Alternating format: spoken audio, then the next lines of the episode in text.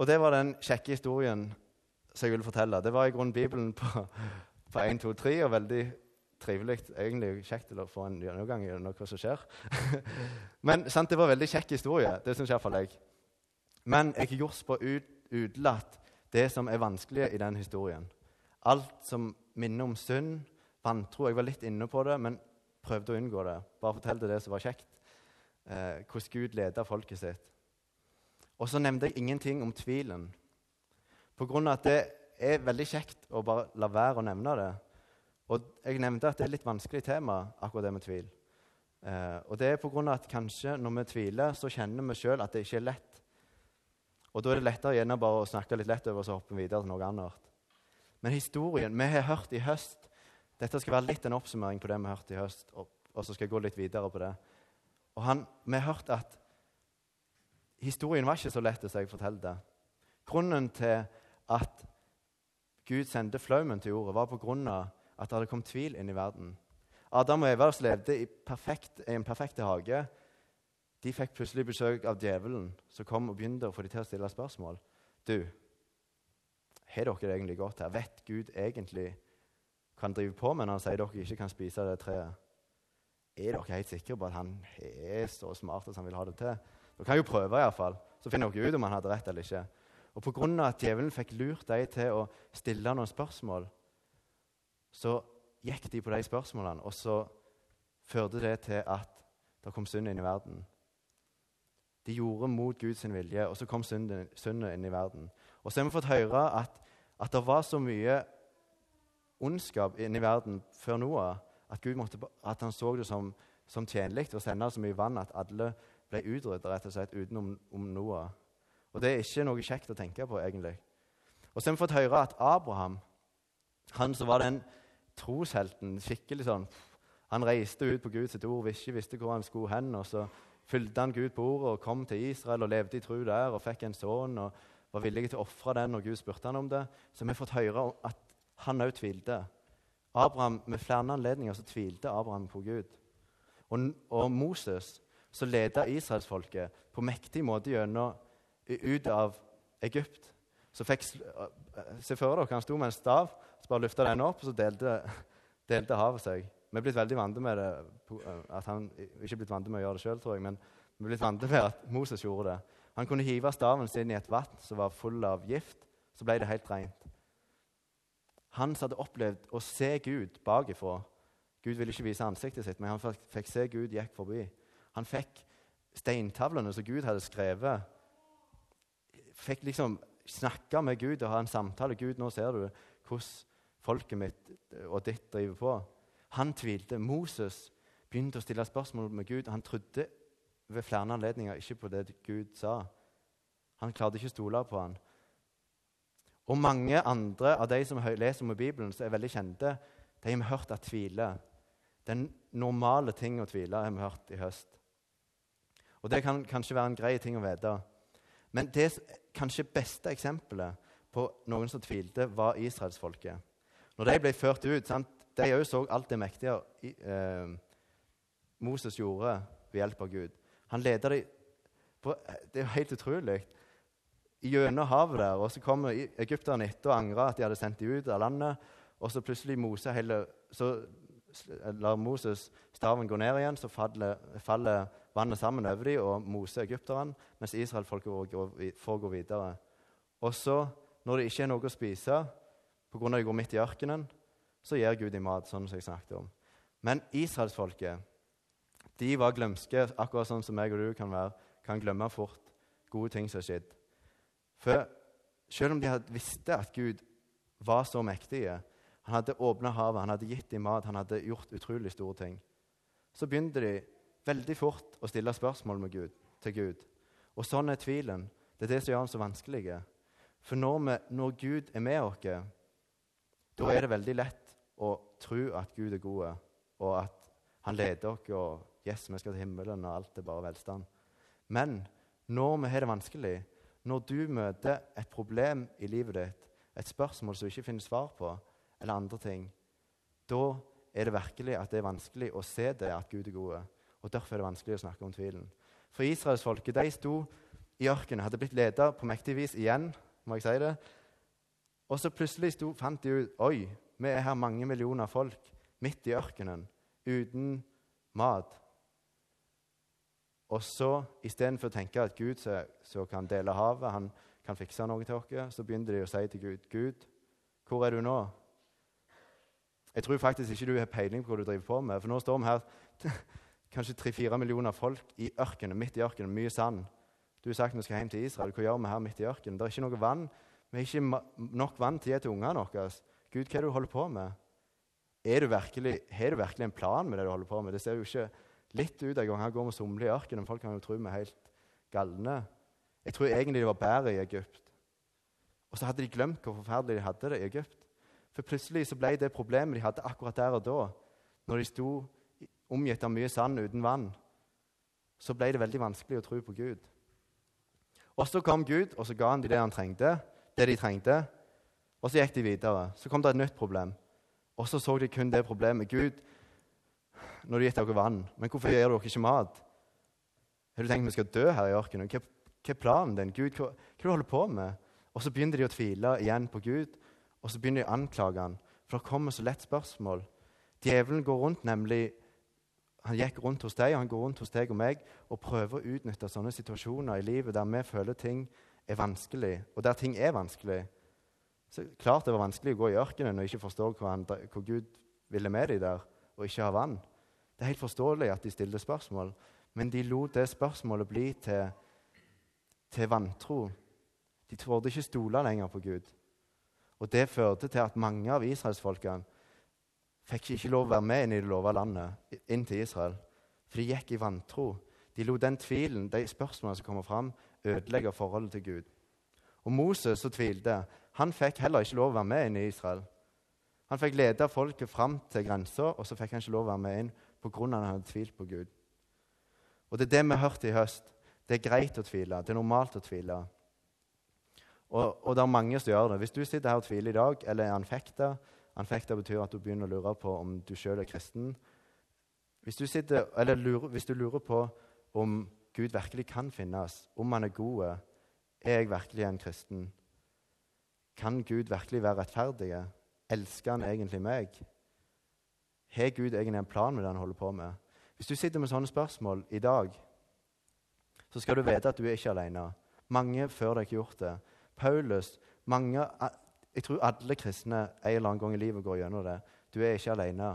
Men problemet er bare mange ganger så er ikke det en god nok trøst å vite at det er andre som er i samme situasjon. For når du står i noen vanskeligheter, så føler du at Ja, ja, men jeg står her og ikke har vann å gi til ungene mine. Jeg står her og Det er jo ingen som kan gi meg et godt svar på det jeg står og holder på med. Og så føler du sånn Ja, ja, han har tvilt òg, men det hjelper ikke når jeg, ikke står, når jeg står her og ikke klarer å se Gud, hva han vil. Hvor er Gud hen? Er du god? Og Da blir det plutselig veldig vanskelig å trøste seg med at andre er i den situasjonen. Kanskje kan det være litt trøst, men vi trenger kanskje å se litt videre. For som jeg har sagt, så vi, glemmer vi akkurat sånn som israelsfolket gjorde. De glemte når Gud var god. Og Jeg vet ikke om hvor mange av dere som har lurt på hvor klokka er. Så tar dere opp mobilen, så sjekker dere klokka, så legger dere ned i lommen igjen, og så har dere glemt hvor klokka er. Og så tar dere den opp igjen og gjør akkurat det samme og legger den ned igjen. Og så bare Hva var det egentlig var? Og så må du spørre naboen hvor mye er klokka. Det har jeg gjort mange ganger. Kan være det bare meg, men det forteller litt om hvordan vi er mennesker. Vi glemmer veldig fort. Og Spesielt når vi står i vanskelige situasjoner, så mister vi fort hodet og klarer ikke å tenke logisk. Og så blir Gud veldig vanskelig, og så begynner vi kanskje å tvile. David er en mann som dere kanskje kjenner godt til. Han var òg en mann som står, han var en mann etter Guds hjerte. Og han òg kom opp i vanskelige situasjoner. Og det er ei salme vi skal lese nå, Salme 69. Der viser det virkelig hvor problematisk han følte han hadde det. Salme 69 fra vers 1 til 4. Frels meg, Gud, for vannene er kommet inn til sjelen. Jeg er sunket ned i bunnløs gjørme, hvor det ikke er fotfeste. Jeg har kommet i dype vann, og strømmen slår over meg. Jeg har ropt meg trett, min strupe brenner, og mine øyne tæres bort mens jeg venter på min Gud. Kan dere høre hvordan fortvila David er her? Jeg gikk en gang på en fjelltur. Det pleier jeg å gjøre ganske mye. Eh, Jeg gikk på en litt dumme tid av året, for det var en meter med snø, og jeg gikk ikke på ski. For jeg skulle opp til en fjelltopp, og der gikk det ikke an å gå med på ski. Så jeg gikk og traska for meg sjøl når alle andre lå og sov. Det var på internatskole. da gikk jeg på tur på lørdag morgen. Og så kom jeg opp på toppen, og så skulle jeg gå hjem. Og jeg syntes det var kjempeflott å gå i snøen. Så gikk jeg gjennom et dalføre, og der visste jeg det lå et vann. Og langs det vannet var det veldig mye tre, bjørketre. Og jeg ville ikke gå inn i skogen, for det var så tungt å gå i mye snø og mye bjørk. Så jeg tenkte ok, jeg går til ca. der som vannet begynner, og så går jeg langs kanten. For jeg vågte ikke stole på at isen var tjukk nok til å holde meg. Så jeg gikk der og tenkte ok, nå begynner snart vannet, nå må jeg finne inn til trærne og heller gå og kravle inni der. Plutselig, før jeg visste ordet av det, så datt jeg ned i et myrhull gjennom en meter med snø og bare fortsette ned i myra. Og så tenkte jeg to sekunder dette er slutten. Det er ingen som kommer til å finne meg her. For det første er det ingen som gidder gå ute når det er en meter med snø uten ski. og for det andre så var det ut forbi vanlige eh, stier. Og for det tredje så var det Ja. Det var no, de fleste lå og sov på det tidspunktet etter å rangla på fredag kveld. Det var ikke så mange som gikk der. Og så tenkte jeg hvis jeg detter gjennom nå, så er det så mye snø at de vil ikke se at jeg er falt ned her heller. Og så, tenkte, og så, kjente jeg liksom Det var aldri slutt. Jeg kjente bare sånn sorpa ble, ble kaldere og kaldere, og så forsvant jeg lenger og lenger ned. og Det var ingen ende. Og jeg tenkte OK, ja ja, sånn gikk det. Men før jeg, før jeg, fikk tenkt så mye mer, så plutselig så jeg at det var ei bjørk som sto på sida. Ei liten, tynn bjørk. Så jeg fikk, Dette er skikkelig dramatisk. så fikk jeg tatt fatt i den bjørken og så ble det redningen. Så kravla jeg opp og gikk ned til skolen igjen. Full av myr på hele meg, og så festa det snø så jeg forbi der, så det så jo veldig herlig ut. Så fikk jeg kravla meg ned, og det var en snål opplevelse. David sier at han føler han er på et sånt punkt i livet sitt der han har kommet, truffet et myrhull. Så han detter nedi, og så kjenner han bare at det blir tungt. Han klarer ikke å sparke ifra. Og han har ingenting å sparke ifra heller, for det er bare sorpa. Og han bare fortsetter å dette ned. David sier, 'Jeg føler det, Gud. Du må hjelpe meg nå. Jeg føler at jeg har falt ned i myrhull, og jeg bare forsvinner.' 'Og det er ingen bjørk jeg kan holde meg i.' 'Du må i så fall være den bjørkegud, sier han. 'Jeg har ropt så mye at jeg er trøtt. Jeg har ikke mer stemme igjen. Gud, jeg synker. Hjelp meg.' Og kanskje du har følt det noen gang sånn pga. en vanskelig ting i livet ditt eller et eller annet som er oppstått. Kanskje du har mista noen som du var glad i, eller du har følt deg svikta. Eller er, du sett noe som motbeviser egentlig at Gud fins, føler du. Sånn at du får en intellektuell tvil kan Gud virkelig finnes. Eller kanskje følelsesmessig. Eller du plutselig begynt på en eller annen grunn, Kanskje ei synd du går og sliter med, og så plutselig har du begynt å spørre deg sjøl er jeg virkelig frelst. Er jeg virkelig kristen? Og så kjenner du bare at du detter ned i et myrhold. Og så tenker du bare Ja, ja Så vil du helst ikke snakke om det. Kanskje. Det er ikke sikkert alle føler det sånn at du kommer som en krise der du pang detter ned i et myrhold. Kanskje du er mer den typen som har noen spørsmål inni deg som du går med. Egentlig forstår du ikke Gud. En, det er et eller annet du har problemer med Gud. Men så istedenfor å ta det opp og nevne det for han, så bare lar du det vokse fram over tid. Sånn at du egentlig distanserer deg litt fra Gud mer og mer og blir mer og mer likegyldige. Og skaper en sånn avstandsforhold til Gud over tid, så blir det en ganske stor tvil. Og Kanskje du ikke aldri følt på den samme måten som David, at bare 'Nå må du hjelpe meg.' For David hadde fullt av fiender rundt seg som sto akkurat da og som gjorde at han trengte hjelp, og som gjorde at han var helt i nød. Men kanskje du bare har blitt sånn at det er blitt mer og mer forsiktig at uten at du merker det, at du fjerner deg for Gud. Jeg vet ikke. Det er ikke sikkert du er det sånn nå, men kanskje du har hatt det før en gang. Eller kommer til å oppleve det en gang. At du bare sånn forsiktig går vekk ifra Gud pga. en liten tvil som kanskje vokser. Og så samler det seg opp ting over tid, og så blir du egentlig litt lunka. Og så kommer du på avstand med Gud. Det er normalt å tvile, men vi trenger å vite hvordan vi skal møte en sånn situasjon når vi står i den. Og vi trenger å vite det før vi møter den, for når vi står midt oppi det, det er da det er vanskeligst å, å få råd til hvordan du kan komme gjennom det. For da er du midt i det. Men før jeg går videre nå, så vil jeg be litt. Det ble litt seint i talen, men sånn går det når vi begynner å snakke. Himmelske Far, takk for at du er en god Gud. Takk for at du er en god Gud selv om vi ikke alltid forstår det. Takk for at vi kan få stole på ditt ord. Og takk for at du er oss nær nå, for det du har sagt. Jeg ber om at du må se spesielt til de av oss i dag som sitter her og tviler. Tviler kanskje på at du fins, tviler kanskje på at du er god. Kanskje det er noen av oss som tviler på at vi egentlig er frelst. Kanskje vi ikke forstår hvem du er, og hvorfor du lar ting skje som vi opplever som vanskelig. Se spesielt til de av oss det gjelder. Gud, du ser det ikke lett for oss når vi står og møter vanskeligheter og ikke ser noen utvei og føler at vi synker i gjørma og er ingen fotfeste. Og du ser at vi så lett kan komme ut på en sånn en og det glir forsiktig ut i en slags tvil som fører oss vekk fra deg, i en slags likegyldighet til hvem du er. Og så bare går vi på møter og deltar på det vi gjør, i en slags eh, gammel vane, og så håper vi at det går over en gang. Hjelp oss til å møte oss sjøl ærlig, og til å kunne sette ord på ting som kanskje vi ikke var klar over at vi har gått og båret på av spørsmål til deg som kanskje skaper avstand. Hjelp oss til å lære mer om hvem du er. Vi er helt avhengig av deg. Åpenbar ditt ord for oss, og hjelp at jeg kan snakke sant om det du sier. Jeg ber i ditt navn. Amen. Jeg uh, Ja, nå ser jeg jeg har planlagt å si noe til om snø. Jeg tror jeg begynner å bli klar for vinter.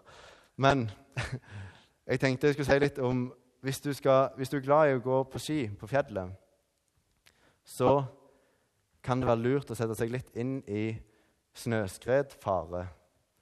Kanskje du kan til og med driste deg til å gå på et kurs. ikke vet jeg hva du har gjort. Røde Kors tilbyr det, har jeg funnet ut i dag. Uh, og Der kan du lære om hvordan du kan lese landskapet, du kan lære hvordan du kan drive med førstehjelp hvis noen blir tatt av et skred. Du kan lære hvordan du kan søke etter folk, og hvordan du kan takle det hvis du ser at 'oi, nå skjer det'. Du kan lære ganske mange spennende ting og viktige ting. Og Grunnen til at du går på kurs før, eller bør gå på kurs før du går på ski, sånn, er for at når det skjer, så skal du vite hvordan du skal, kan handle. Og når vi kjører bil, så bruker vi bilbelte. Iallfall bør vi gjøre det.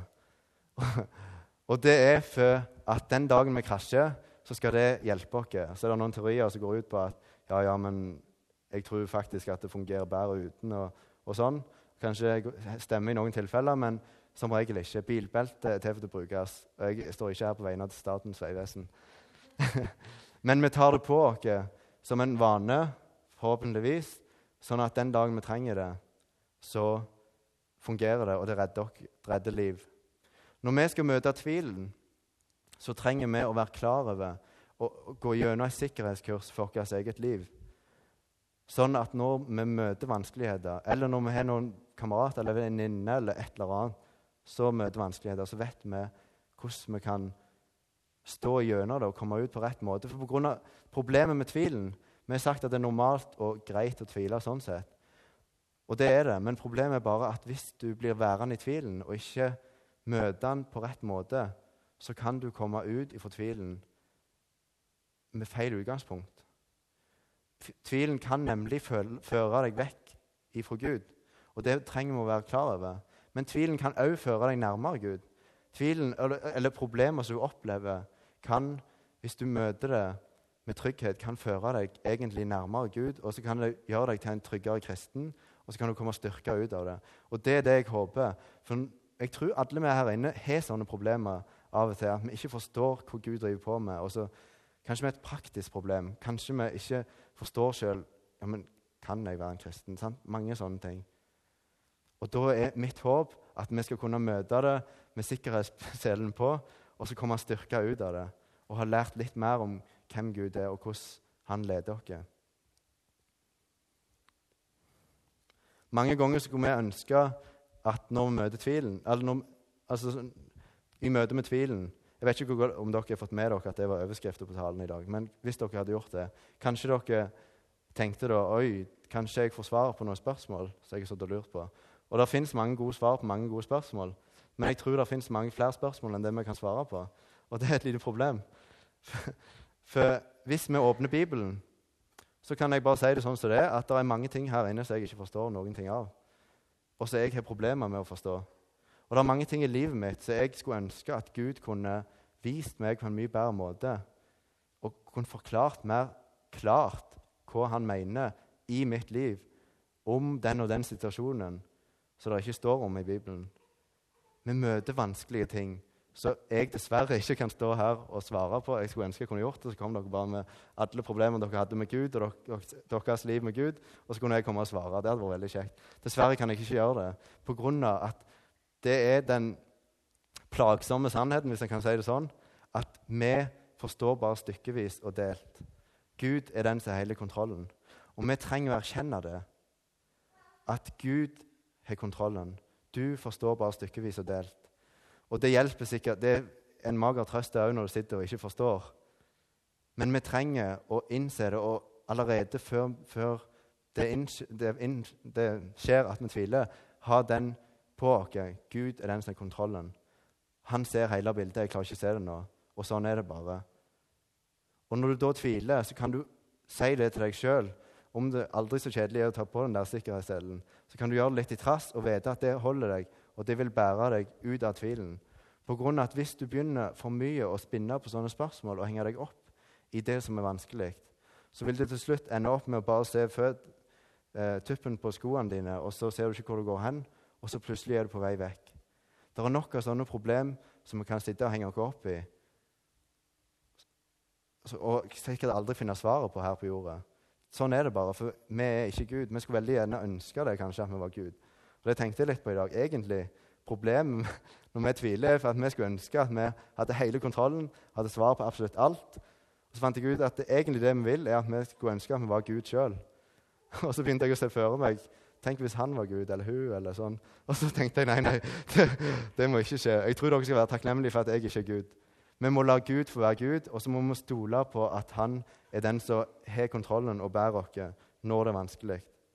Det var en kar som heter Christian Skriver. Jeg tipper ingen har hørt om han før. Kanskje noen. Jeg vet ikke. Han levde på 1600-tallet, så det er ikke akkurat en kompis jeg har nå. Eh, men han var en god mann som skrev mange gode bøker. Og han talte og forkynte. Og han skrev, han skrev bl.a. om dette temaet. Men han sa òg det at Jeg må lese det så jeg får det rett, hvis ikke kan bli sinte på meg. Det er ganske uforklarlig for fornuften og vår, vårt syndige kjød at Gud, som ble, blir kalt den barmhjertige far og all trøsts Gud, kan tillate Satan å skyte sine piler i den troendes hjerte.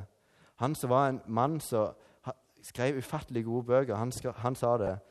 Altså, det er ganske uforklarlig for fornuften vår altså, å forstå det, at Gud kan tillate at Satan går rundt og prøver å skape spørsmål i deg og stille, få deg til å stille spørsmål med den Gud er. Han forsto ikke det, han heller. Men han innså at det kommer han sikkert aldri til å forstå heller. Men Gud er fortsatt Gud, og det han sier, det er sant. Gud sier at 'jeg er god', 'jeg er rettferdig', 'jeg elsker deg'. Kanskje det er det du har hatt problem med, å tro at Gud elsker deg sånn som du er. Men Gud sier det. Jeg gjør det. Og vi har bevis på det her i Hans sitt ord. Og kanskje det er det, vi, det er det vi trenger å trøste oss til. Og allerede for oss sjøl hver dag stå opp og gå ned på kne for Gud. Det vi hørte vi for noen år siden på en Sølve Salte sa på lovsangshelg her. Hver dag ned på kne med Jesus. Og det er nemlig nøkkelen til å komme gjennom tvilen, at vi gjør det allerede fra i dag av. Går ned på kne for Jesus og sier, 'Du er Gud, jeg er ditt barn, og jeg vil tro på det du sier om meg.' Du sier at du elsker meg, du sier at du er god, du sier at du er rettferdig, og jeg får lov å møte himmelen, eller gå himmelen i møte pga. det du har gjort. Og Så kan du si det når du syns det er lett, og så kan du si det når du syns det er vanskelig. Og Da er det veldig vanskelig å si det, men hvis du blir vant med å gå ned på kne for Gud og overgi deg til Han hver dag, uansett hva du gjør, så vil det bli lettere den dagen du møter tvil og vanskelige situasjoner. På grunn av Da sitter det i deg. Akkurat som kursene du lærer for livredning og, og hvordan du skal takle snøskred og andre ting, så lærer vi det for at det skal sitte i oss som en refleks når, opp, når det oppstår vanskelige situasjoner, situasjoner. På samme måte er det med dette. Du og meg trenger hver dag å gå ned på kne, bøye oss for Gud, det er det verste kanskje vi gjør, og innse at noen har mer peiling enn vi har. Men vi må gjøre det. Vi må tro at han kan når vi ikke kan, at han har svaret, at han har kontrollen. For vi må ikke gå i den fella som israelfolket gjorde, at når vi ikke forstår, som jeg har sagt mange ganger nå, at det er helt greit at vi ikke forstår, men så må vi ikke gå i den fella at vi ser oss blinde på det, og så plutselig lar vi det definere oss. Jeg er, Istedenfor å definere oss som et Guds barn, jeg er Gud som far, han forstår, han er kontrollen, så begynner vi å definere oss med at jeg er han som går rundt og ikke forstår hvem Gud er. Jeg er han som går rundt og ikke tror at jeg er kristen. Jeg er han som går rundt og ikke føler meg elska av Gud. Jeg er han som går rundt og ikke forstår at Gud virkelig kan ha skapt jord, det kan ha blitt til sånn. Og så definerer vi noe feil. Vi må la oss definere som det sier, Gud sier at vi er. Vi er hans sine barn. Og vi er i tro på Han, så har vi fått alt av nåde. Og det gjelder uansett om du syns det er vanskelig å tro det eller ikke. For sånn er det. Gud har sagt det. Og vi trenger å svelge den kamelen hver dag. Og Hvis du blir vant til å svelge den kamelen i en måned, så går det mye lettere resten av tida. Så det jeg håper at vi kan gjøre framover, at vi kan få at vi kan bli en forsamling, en gjeng, som er villige til å ned på kne for Gud, overgi oss til Han. Gud, ta meg, led meg i dag. Jeg forstår kanskje ikke hvem du er i dag. Jeg føler meg ikke elska, jeg føler ikke at jeg er kristen, men jeg vet at du har sagt det. At når du har gitt ditt liv for meg, så kan jeg få ta imot det, og jeg trenger ikke stresse noen ting. Og den dagen du da føler at du detter ned i et myrhull, så vet du at det du trenger å gjøre Du trenger ikke begynne å tenke sånne tanker som jeg tenkte. nå, ja, ja, sånn ender det. du kan ta den der bjørken som står der, og så holder deg. Jesus står der med sitt ord. Og, du, og det du har sagt til deg sjøl hver dag Gud bærer meg i dag. Gud vet. Gud leder meg. Han kan. Det kan hjelpe deg den dagen du synker. Og så kan du kravle deg i land og gå videre. Og Neste gang det skjer, så vet du igjen den bjørken står der fortsatt. Jesus holder når du møter vanskeligheter. Og så trenger vi å, å, være flinke til å hjelpe hverandre i sånne situasjoner. Det er kanskje det er så stort tema om tvil. Jeg kunne snakket lenge. Det kan jeg stort sett alltid. Men vi trenger, når vi kjenner på ting, vanskeligheter, situasjoner som er uforståelige, så blir de som regel bare mye større hvis du går og bærer på det sjøl. Det samme gjelder hvis du sliter med ei synd, eller hvis du sliter med sorg eller andre vanskeligheter. Så blir det som regel mye verre hvis du går og bare lar det gnage i deg. Men da er det det samme som gjelder. Du må ta på deg sikkerhetsselen. Ned på kne for Jesus. Han holder deg. Han er det eneste som kan holde deg. Og så er problemet mange ganger at når vi møter sånne ting, så er det første vi gjør, å distansere oss. For hvis det er en person som du ikke liker eller har problemer med Jeg vet ikke om det er noen som har det, men kanskje det er noen du sliter mer med enn andre. Og Det første du er frista til å gjøre da, det er å distansere deg og ikke ha for mye med deg å gjøre. Og, og det er mange ganger problemet når vi tviler, at vi begynner å ha problemer med Gud, vi forstår han ikke, og så distanserer vi oss. Og da gjør vi helt feil.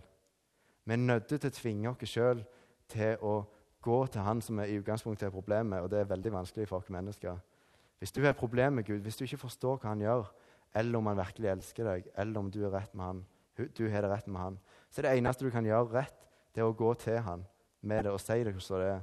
Om du må skrike sånn som David du, 'Gud, hjelp meg, jeg står og føler jeg synker, jeg føler ikke du ser meg', så gjør det. Det er mye bedre å gå et skritt nærmere det som du føler er vanskelig, eller gå et skritt vekk. For da blir det fort mange skritt, og så plutselig er du helt ute å kjøre, og så synker du. Og vi ønsker ikke at noen skal oppleve det at tvilen fører deg vekk fra Gud. Jeg ønsker at hvis du opplever at du tviler en gang, skal, eller tviler nå, eller har andre ting du sliter med, så skal du la deg definere av det Jesus sier. Jeg er livet ditt. Jeg har gjort alt ferdig.